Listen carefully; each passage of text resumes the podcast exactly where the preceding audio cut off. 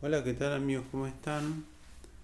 En esta oportunidad voy a comentarles lo que fue mi experiencia con la segunda dosis de la vacuna de AstraZeneca. Mucha gente no se quiere dar la vacuna, incluso me pasó a mí, ¿no? De no querer ir al turno, de no es muy lejos, mejor no voy.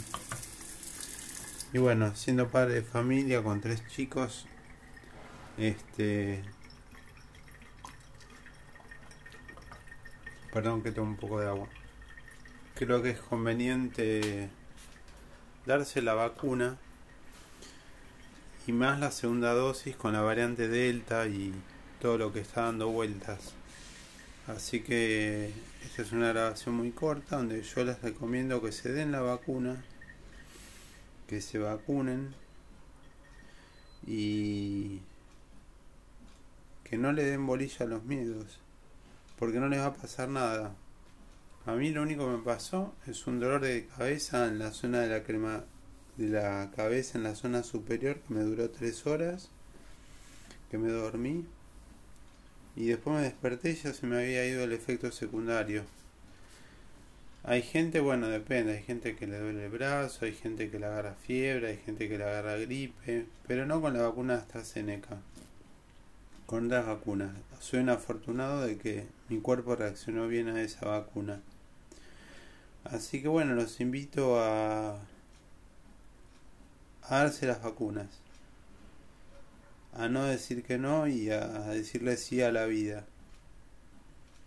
Así que mi punto de vista humilde y sincero es que vayan y se vacunen. Porque de este virus no salimos solos. No se sale ni con magia, ni meditando, ni de ninguna forma de esas. Se sale vacunándose. Se sale teniendo anticuerpos en el cuerpo. Y en este momento lo único que se conoce es la vacuna. Así que la vacuna que sea, la vacuna que les toque, todas son buenas, todas sirven, todas creo que tienen vectores virales, creo que lo llaman. Así que este podcast es muy cortito y es simplemente que se vacunen. Bueno, les mando un saludo muy grande y les comento que estoy armando un proyecto de clases de yoga por Zoom. Así que más adelante les voy a pasar el enlace de Instagram para que me puedan seguir.